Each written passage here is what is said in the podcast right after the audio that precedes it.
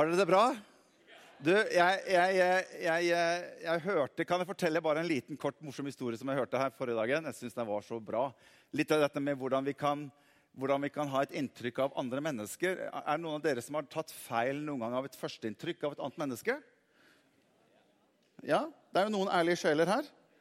Du, du, du kommer i kontakt med en person eller et eller annet, og så, og så og så på en måte så, så, setter vi en slags form for lapp eller merkelapp eller hvordan vi har opplevd vedkommende, og så tenker vi at sånn er vedkommende, og så viser det seg at det er jo totalt feil i forhold til hvordan egentlig vedkommende er. Men jeg hørte en bra historie om en mann som, eh, som var på, eh, på, flyplassen. Han skulle videre med et fly og hadde litt tid, så han kjøpte seg en kopp kaffe og så kjøpte han seg en, en pose med noen små donuts og skulle sette seg ned for å kose seg litt med dette her, og det var ganske fullt. Der han prøvde å sette seg ned, så ser han et bord liksom ute på enden. Der er det en mann som sitter liksom på ene siden av et bord, og så er det en ledig stol på andre siden. Han tenker at jeg setter meg der, Så han går bort og, og, og setter fra seg kaffekoppen, setter fra seg bagen og setter seg ned og tar en liten, en liten sup av kaffekoppen sin og åpner opp bagen med donuts, tar ut en donuts og begynner å spise den. og han koser seg skikkelig med den.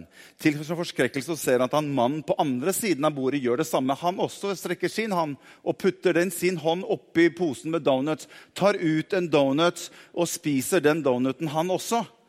Og han tenker hva all verden er, Ser jeg rett nå, eller hva skjer her nå? Men han tenker ok, jeg får, jeg får, jeg får la den gå. liksom sånn. Han, han, han er, jeg vet ikke hva han tenker med, men jeg, jeg lar den gå. Så han sitter og koser seg med donuten, og så går det en liten stund til, så tenker jeg jeg tar en donut til. Han åpner posen, tar opp en donut, putter den i munnen. I denne gangen så tar han posen så trekker han den så nærme seg som mulig på sin side av bordet. Så nærme kanten som mulig. Han tar donuten i munnen. Til sin forskrekkelse så reiser mannen seg på andre siden av bordet rekker fram hånden helt bort til donutposen og tar hånda opp i donutposen og tar en, med, nei, tar en, donut ut av posen og spiser den. Han tror ikke hva han ser, og han tenker med seg selv hvor, hvor, hvor dypt har vi sunket her i verden? liksom?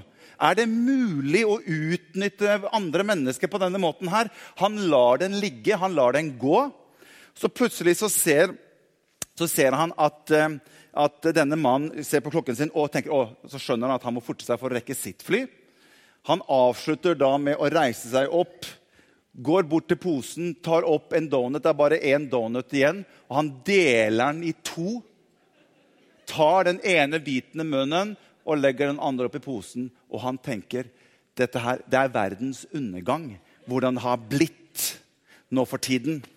Så kommer jo tiden hvor han skal dra, denne mannen her. Og han reiser seg opp, tar kaffekoppen sin og ser med forskrekkelse at hans pose med donut ligger oppå bagen sin ved siden av stolen, hvor han ikke hadde brukt den i det hele tatt. Han hadde kun spist av mannen sine donuts, som også var på det samme bord.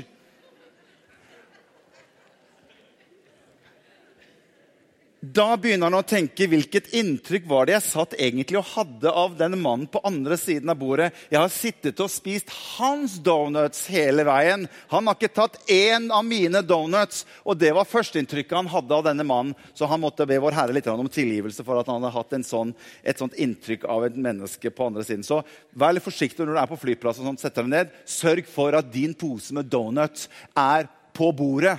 Og kanskje del frivillig med andre mennesker. Ok, Hva har det med Gud å gjøre? Egentlig ikke så veldig mye, men det er egentlig at Gud eier alle donuts i hele verden. De tilhører han. Det er det som er poenget med den historien der. Ok, eh, Vi skal gå inn i, eh, i eh, del tre. Vi har hatt to deler om dette som har med Daniel-dilemma å gjøre. Og jeg må få lov til å si tusen takk til dere som, som kommer, og som ønsker å høre eh, forkynnelse rundt disse tingene her. Det, jeg synes det har vært utrolig bra. Og, og, og det som jeg synes er veldig bra, er å merke at det kommer tilbakemeldinger. og Folk kommer til meg og sier vet du hva, det er utrolig rart at når man, når man, snakker om ting og man fokuserer på ting, så, så, så, merker man at man møter på disse tingene i hverdagslivet sitt. Og flere som har kommet tilbake med helt konkrete ting, hvordan man opplever at man må stå fast for noe, man må ta et valg, man må, man må ha noen standarder. Og så møter disse tingene en i hverdagen. Og da tenker jeg yes, det er det som er bra.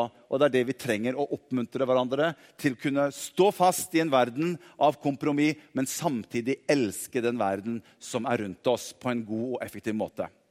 Vi skal, vi skal uh, gå inn i del tre i dag. Og Den har jeg kalt for 'Tro, virksomme kjærlighet'. Del 1 vi, kalte vi for 'Nåde og sannhet'. Og Da snakket vi om dette med at Jesus han kom, og når han kom, så var han full av nåde og sannhet.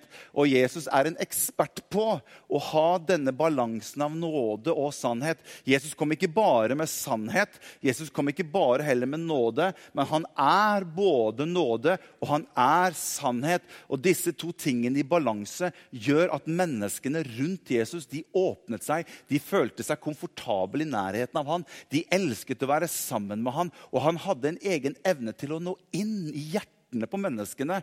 Ikke alltid bare med å peke finger og fortelle hvor forferdelig mennesket var, men han brukte sin godhet, han brukte sin nåde til å åpne hjertedører, og så kommer sannheten inn etterpå. Og Det er noe av dette som jeg tror vi trenger å lære oss i den tiden vi lever som kristne.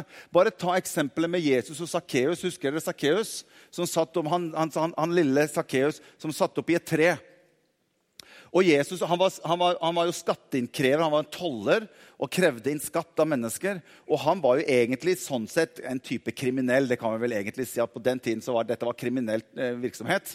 Og Jesus passerer han, og han kunne med en gang Se her, her er en sånn fyr, vet du. Han kunne tatt den. Men istedenfor går Jesus bort til Sakkeus og ser han sitter oppe i treet og sier, Sakkeus, du ville ikke ha gått og tatt en, spist litt lunsj sammen? da? Tatt en kaffekopp og prate litt? Det er Jesus sin måte å nå inn til individet på.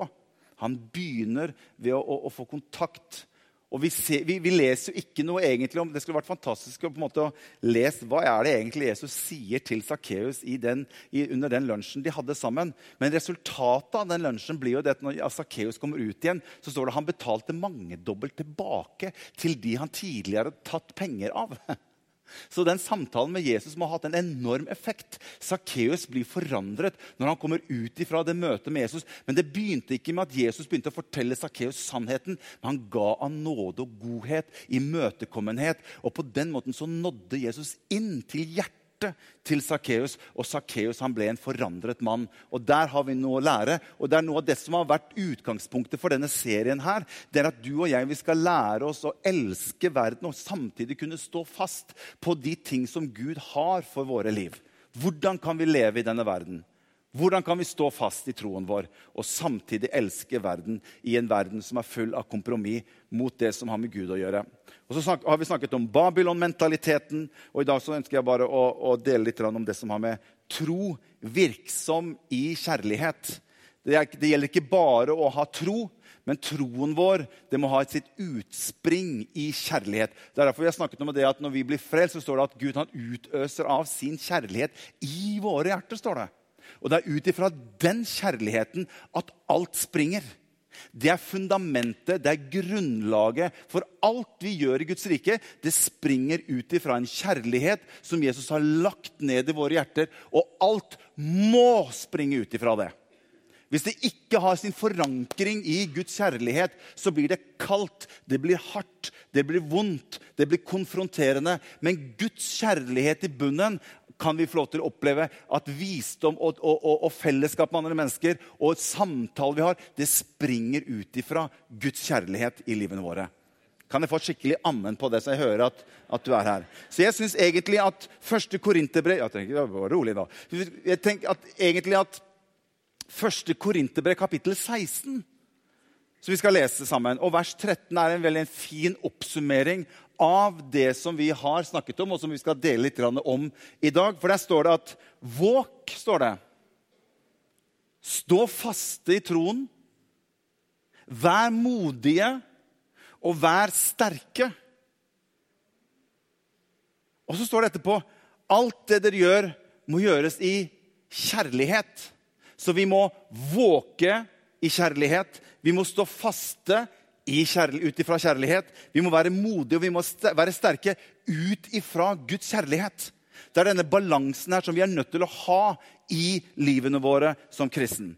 Og det vil kreve noe å stå fast i troen. Det vil kreve noe å stå fast på det som Gud har gitt oss. Nå er jo vi ganske heldige som lever i den, si, en del av verden hvor ikke vi blir forfulgt for vår tro. Og vi kan bare be til Gud om at det fortsetter å være slik som det er. Og vi er så privilegerte som kan leve i et sted, i et land, hvor vi fritt ut kan få lov til å tro på den Gud som vi gjør, uten å måtte frykte for at vi blir forfulgt for hans navns skyld. Men det er ikke alle steder sånt er. Mange andre steder så blir mennesker forfulgt for sin tro. Og jeg har jo tenkt noen ganger med meg selv, når jeg har liksom lest om hva mange av disse gjennomgår, har jeg tenkt liksom, ok Morten, hadde jeg greid å kanskje dere har tenkt på det òg? Hadde jeg greid å stå? Hadde jeg greid å, å, å under, under, tøffe Kanskje man blir torturert for hans navns skyld. Hadde jeg greid å bli stående for troen min? Og Det tror jeg er et godt spørsmål som vi alle kan stille oss innimellom. Hvor, hvor, hvor forankret er jeg i troen min? Tåler jeg å bli prøvd? Tåler jeg å bli testet på troen min? Hvor, hvor langt er jeg villig til å gå for hans navns skyld? Og Det tror jeg er viktig at du og jeg har et, et, et forhold til. Men jeg tror vi vil komme inn i situasjoner alle sammen der du og jeg er nødt til å stå for noe eller velge noe, men kanskje ikke miste livet som andre mennesker. Men vi skal, vi skal gå inn i Daniels bok og så skal vi lese en av de mest kjente fortellingene fra Daniel, hvor dette med å stå fast eh, vil kreve noe av disse, disse gutta. Vi skal gå til Daniel kapittel 3. Blir det med meg, Daniel? Fra vers 1 så skal vi lese, Jeg kommer til å lese en del i Skriften utover, og få, slik at vi får med oss disse fortellingene om hvordan disse gutta her sto fast i troen sin. Kong Nebukadnesar lagde en billedstøtte, står det fra vers 1, av gull. Den var 60 alen høy, 60 alen bred og han satte den opp i Duradalen i provinsen Babylon. 60 alen, jeg vet ikke. Sånn Grovt regna er det ca. litt over 30 meter. 30 meter ganger 30 meter. Kong Nebukadnesa sendte ut en befaling om å samle satrapene. Satrapene det er samme som en, en, en guvernør. Stattholderne, landshøvdingene, rådgiverne, skattemesterne, dommerne, politimesterne og alle herskerne i provinsen. De skulle komme til innvielsen av billedstøtten som kong Nebukadnesar hadde satt opp. Og hør, La meg si en ting til dere. Følg med hva jeg sier for noe nå. Kultur vil alltid sette opp et slags form for bilde, et frontbilde, som den viser deg og meg. Jeg, jeg, jeg er ikke imot all kultur. Det finnes masse bra kultur. Det finnes masse god kultur.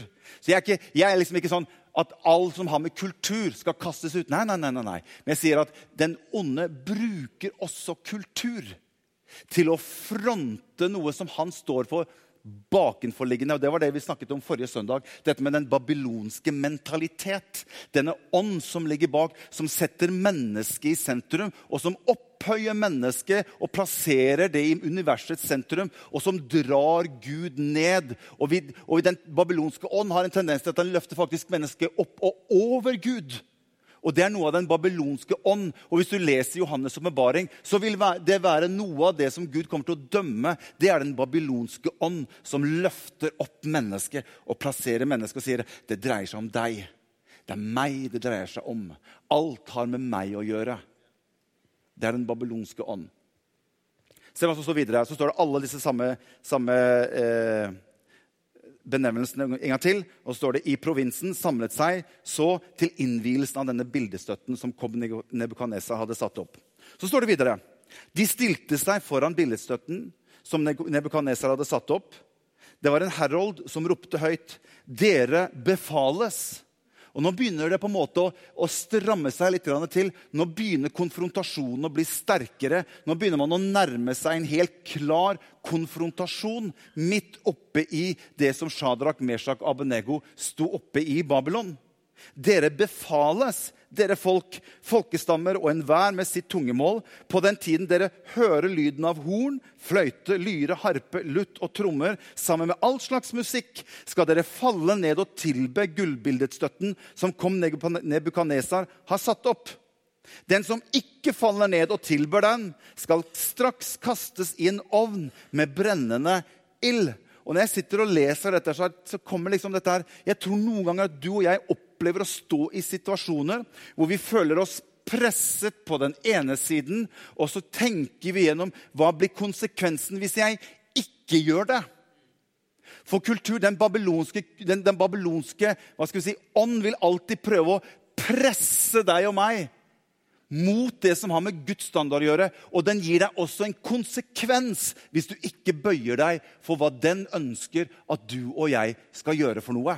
Så den både presser, og den gir deg en konsekvens hvis ikke du bøyer deg for det. Og Hvor mange ganger har ikke du og jeg stått opp i situasjoner hvor vi føler oss presset på en eller annen måte, og så begynner vi å tenke litt i hodet. Og ofte så bruker den onde og sender deg og meg tanker at hvis ikke du gjør det, så kommer du til å bli dårlig likt. Eller hvis ikke du er med på dette her, så blir du en sånn mobbeoffer. Eller hvis ikke du kan stå for dette her. Så, og så kommer all slags tanker som har med konsekvens å gjøre, som, som, som, som kommer opp i ditt sinn og dine tanker tanker, og du begynner å bli fryktsom for konsekvensen hvis ikke du bøyer deg for det som kulturen ønsker å ha deg og meg med på.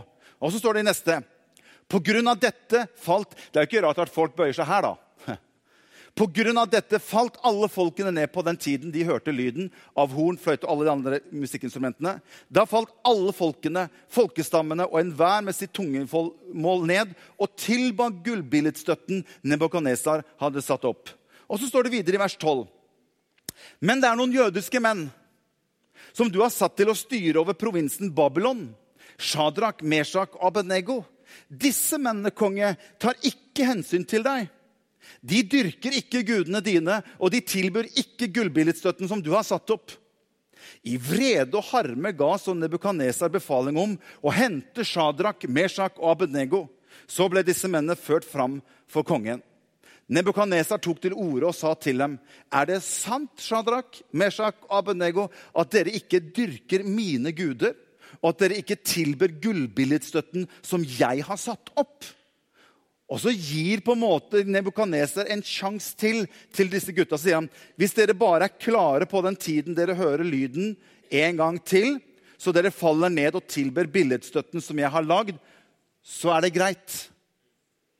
Men hvis dere ikke tilber den, skal dere straks kastes i en ovn med brennende ild. Og se hvilken holdning, se hvilket bilde Nebukadnesar har av seg selv. Se hvor selvopphøyende han er.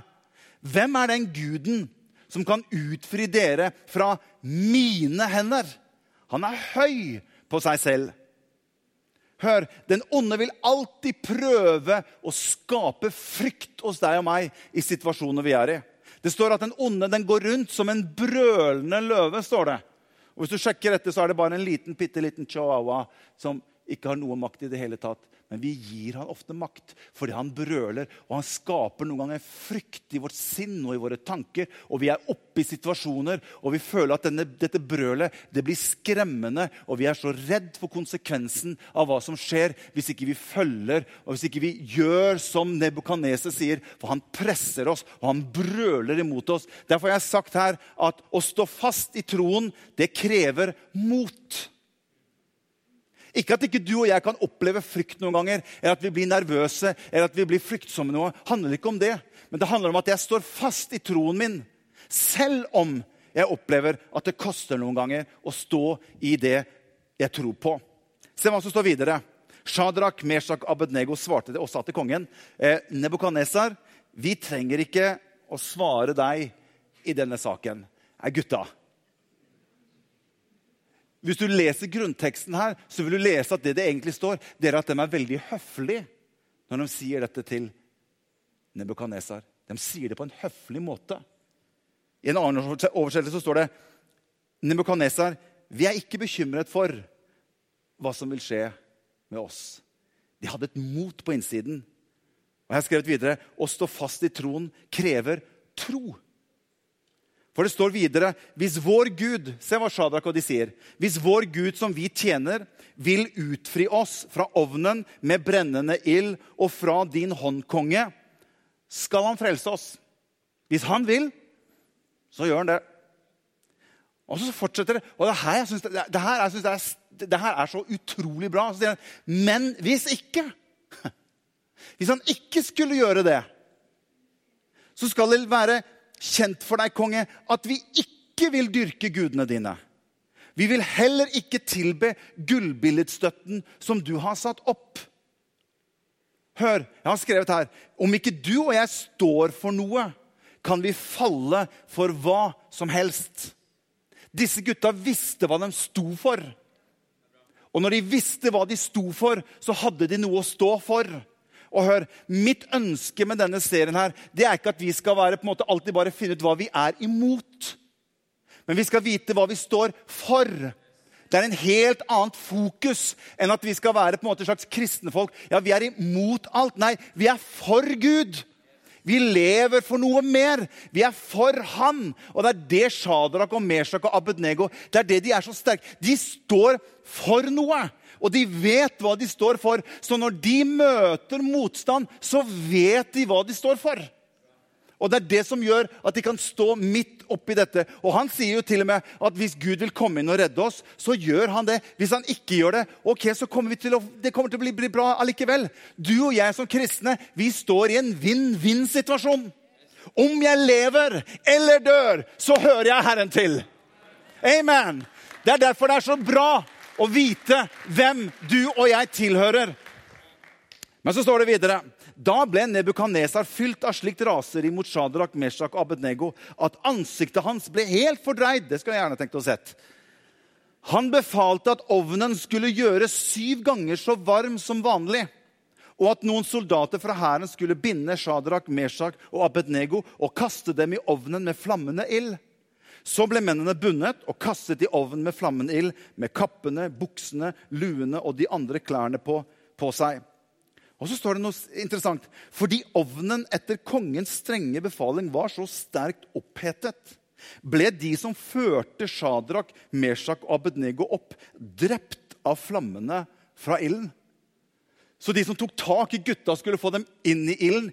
De måtte bøte med livet selv. Så varmt var det i nærheten av denne ovnen. her. Så står det videre de andre tre mennene Shadrach, Meshach og Abednego falt bundet ned i ovnen med flammende ild. Da ble kong Nebukadnesar forskrekket. Han reiste seg brått og spurte rådsherrene sine. Var det ikke tre menn vi bandt og kastet ned i ilden? Jo visst, konge, svarte de. Men Nebukadneser sier, men jeg ser fire menn, og hør, ikke er de bundet heller, men de går fritt omkring inne i ilden. Den som Sønnen får satt fri, han blir virkelig fri. Det fins en frihet i å stå for det Gud står for. Det fins en frihet midt i ansiktet på den babylonske ånd. Det fins en frihet i å reise seg og si at vet du hva, jeg står for Guds standard i mitt liv. Jeg har en annen standard som jeg følger, og jeg ønsker ikke å følge den standarden som er rundt meg. Jeg har en annen standard. Hør, dere jenter som er unge og som skal finne en gutt. hør, Det går an å reise seg. vet du hva? Jeg har en standard i livet mitt. Jeg har en annen standard som kanskje ikke er den vanlige. Kanskje ikke den som du ser på den der X on the beach. Jeg, vet du hva? Jeg, jeg, jeg, så, jeg så, For å være helt ærlig, jeg så en reklamesnutt for X on the beach. Jeg, trodde ikke det var mulig engang. Det er det mest ja, ok. okay. Vi har, vi har en annen standard, dere. Vi lever for noe mer. Og Det er det som skjer når disse gutta her, når de står for den standard som de lever for, og de vet hvem de er i Kristus Jesus. Når de blir kastet bundet inn i det som i utgangspunktet skulle skremme dem, så kommer han som er fra evighet av, inn sammen med dem, inn i de flammene. Og han løser dem, og de går rundt der, og de går fritt omkring fordi de er frie. Amen. Jeg ser, for meg, jeg ser for meg når de gutta er inne i ilden der, og Jesus kommer. Gutter, å, dere er tøffe. Jeg må si jeg er stolt av dere gutter. Og de, de, de, de klemmer på hverandre inne i ilden der. Og de, har et fellesskap med hverandre. Med Shadrach, Meshach og Abednego. Og så, Jeg må gå videre. Og så, jeg, jeg, For meg så blir sånt det det sånn, det blir litt film. Men jeg ser fire menn gå fritt omkring i ilden, og det finnes ikke skade på dem. Og den fjerde ser ut som en gudsønn. Jesus er der med oss. Så står det videre i vers 26. Nå gikk Nebukadnesar bort til døren i ovnen med flammende ild. Nå begynner han å bli nervøs. Amen. Flammende ild og ropte, Shadrach, Meshach, Abednego, dere tjenere for Gud. Eh, dere tjenere for Gud. Nå begynner Nebukadnesar å vende om her, dere. Han begynner snart å bli frelst. Den høyeste, kom ut! Da kom Shadrach, Meshach og Abednego ut av ilden. Og så står det litt videre litt senere. De så på disse mennene at ilden ikke hadde hatt noen makt over kroppene deres. Vet du hva? Når du og jeg står for det Gud står for, når du og jeg som er født på ny, lever i kultur, så kan vi leve i den forståelse av og i den overbevisning av at han som er i oss, er større enn han som er i verden. Jeg har noe på innsiden som er større og sterkere enn det som påvirker meg hver eneste dag på utsiden. Men du må være det bevisst bevisst. Du må vite hvem du er i Jesus Kristus. Han som er i deg, er sterkere og større enn han som er på utsiden. Når du er et sted, om du er på en fest eller hva som helst, hvor du er i fellesskap med andre, vit at du har noe på innsiden som er større og som er sterkere enn det som prøver å påvirke deg fra utsiden. Du er den Gud har sagt at du er, og han er med deg. Amen. Nå begynner jeg å rope igjen her. Kjære Oi, oi, oi. De så på disse mennene at ilden ikke hadde hatt noen makt over kroppene deres. Håret på hodene deres var ikke svidd engang. Og det hadde ikke skjedd noe med klærne deres. Det luktet ikke brent av dem engang. Og når jeg, leste, når jeg leste dette i dag tidlig, tenkte jeg Morten, hvor mye kultur lukter det av deg? Går det an å leve i den tiden vi lever, og det lukter ikke svidd av oss i det hele tatt? Gud hjelpe oss alle sammen.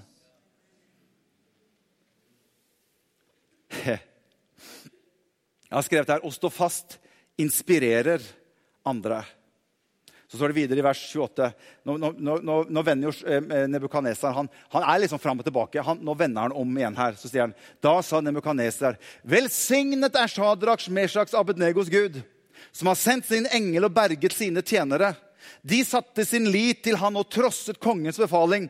De våget livet for å slippe å dyrke eller tilbe noen annen gud enn sin egen. Nå er det han som er i liksom, nå skal han dra til skikkelig, han eh, Nebukadnesar. Så sier han nå gir jeg dette påbudet. Nå er han på vei, nå er, nå er han omvendt. Nå, skal han hjelpe gutta her med litt evangelisering. Nå gir jeg dette påbudet. Om det i alle folk og nasjoner og tungemål finnes noen som håner Shadraks, Meshaks og Abednegos gud Og jeg tenker at De gutta som står og hører på det, at det høres så fint ut. Inntil han liksom tar en sånn skikkelig avslutning skal han hogges i biter, og huset hans skal legges i grus. Og jeg ser liksom for meg Shadrach. Nei, nei, nei, nei, nei, nei, nei, nei.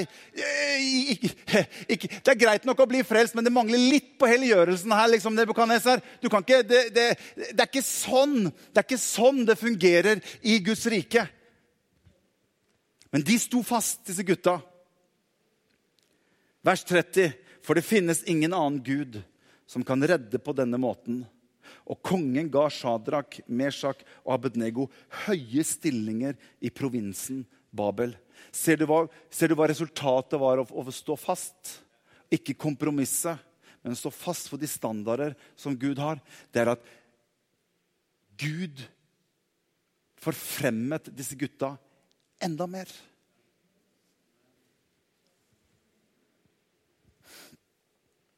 Halleluja. La meg bare avslutte denne delen her med, med, med å stå fast.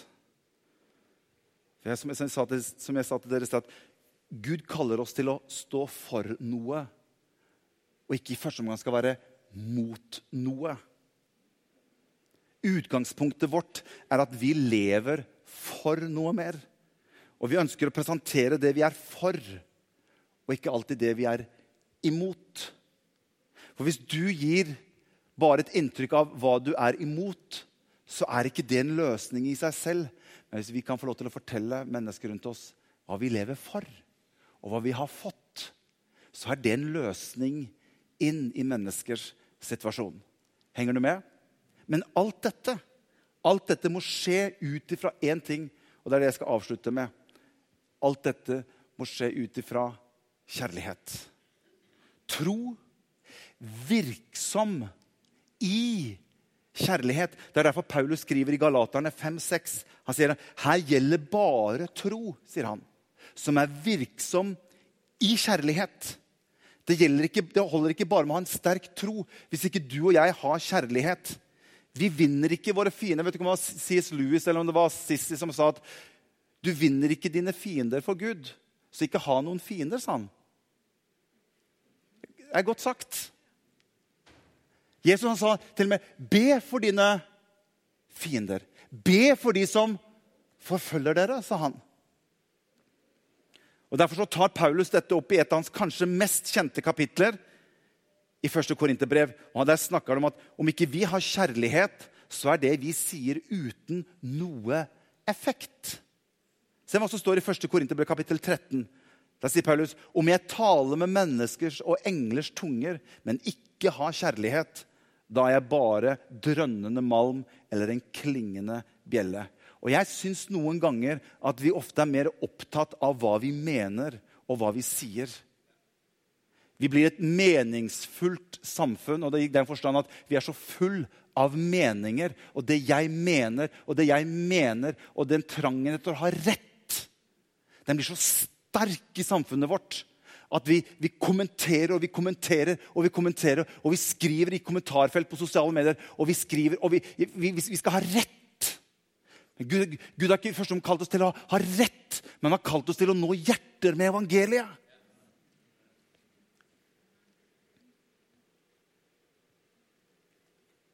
Jeg, jeg, jeg, jeg, må, må bare dele dette. Noen ganger så skjemmes jeg av kommentarer som legges ut av kristne mennesker på kommentarfelt, på sosiale medier, som ikke hører noe steds hjemme. Og vi bruker det vi skriver, vi bruker munnen vår til å tale og snakke ting som, som, som, som ikke bygger opp, men som, trykker ting ned. Du og jeg vi er ikke kalt til å trykke ned. Vi er kalt til å løfte opp. Er dere med meg? Jeg har, ikke, jeg har ikke dette skriftet der, men du skal få det allikevel. Det står vi taler sannheten tro i kjærlighet. står det. Og det står til og med at la ikke et eneste råttent ord komme ut av deres munn. Men bare ord som er gode til nødvendig oppbyggelse, for at ordene kan gi nåde til dem som hører på.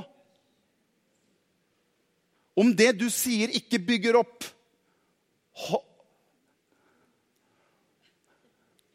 Hold det for deg sjøl. Amen? Første Korinterbrev, kapittel 13. Det står om jeg ikke har kjærlighet, er all min kunnskap Hva hjelper det om jeg har masse kunnskap hvis ikke vi har kjærlighet? Paulus han sier om jeg har profetisk gave og forstår alle hemmeligheter og har all kunnskap, og om jeg har all tro så jeg kan flytte fjell, men jeg ikke har kjærlighet, så er jeg ingenting, sier Paulus. Dette er ganske sterke, det er ganske sterke, klare ord. Om jeg ikke har kjærlighet, er all min tro uvesentlig. Og så fortsatte han i vers 34.: Om jeg har all tro så jeg kan flytte fjell, men ikke har kjærlighet, er jeg ingenting. Vi kan få lov til å få sangerne og, og, og musikerne få lov til å gjøre det klare her. Hensikten med hele denne serien her det har vært at jeg tror at vi kan lære av Daniel i hvordan du og jeg kan leve livene våre i den samtid, i den kultur som vi er en del av alle sammen. Mer eller mindre påvirket av den inni livene våre. Og jeg tror Vi må være såpass ærlige at vi er barn av vår tid. Er vi enige i det? Og vi lar oss påvirke av den kultur som vi er en del av. Men jeg tror likevel at det går an å stå fast på det som Gud har sagt i sitt ord, og stå fast i troen. Og ikke la seg skremme av den kultur som er på utsiden, men å vite det at jeg er fri på innsiden, for han har satt meg fri.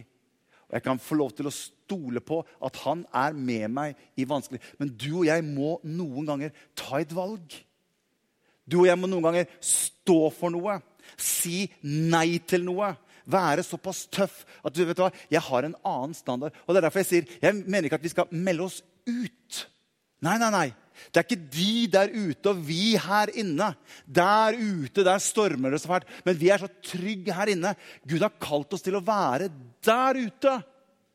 Men med hans standard og hans kjærlighet i våre hjerter.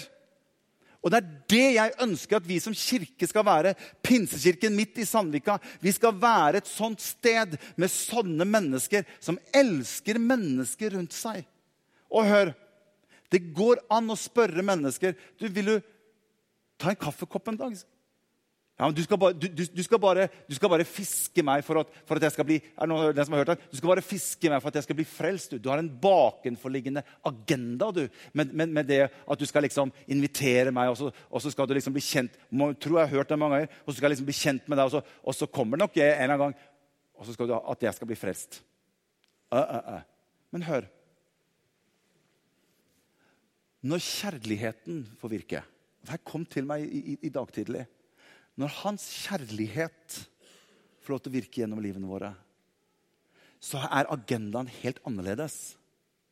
Når hans kjærlighet i våre hjerter får lov til å virke i livene våre, så er vi ikke så opptatt av de, de derre andre tingene men da er det hans kjærlighet som får lov til å virke gjennom livene. Og kjærligheten den har en tendens til at den når fram. Den ønsker bare å være med å hjelpe. Den ønsker bare å være god. Den ønsker bare å være tilgjengelig uten at den på en måte skal kreve noe tilbake. For Noen ganger så kan mennesket ha litt rett i at vi noen ganger har hatt en sånn bakenliggende liten sånn agenda. At ja, det hadde vært kult å tatt en kaffekopp. Altså På gang tre da er min strategi. Da skal jeg sette inn det frelsesstøtet, og så skal vi se om ikke vi får Nei, nei, nei. Nei, nei, nei, nei, nei. Hvis hans kjærlighet får lov til å virke gjennom livet vårt, så vil noe av dette det vil treffe mennesker. Vi gjør ting uten at vi skal kreve noe tilbake. For det er slik hans kjærlighet er gjennom livene våre. Amen. Da kan vi være helt avslappa til det. Kan vi ikke reise oss opp, alle sammen? Et skriftsted til slutt. Første Korinterbrev, kapittel 14 og vers 1. La kjærligheten være det du etterjager aller mest. La kjærligheten være det du etterjager aller mest.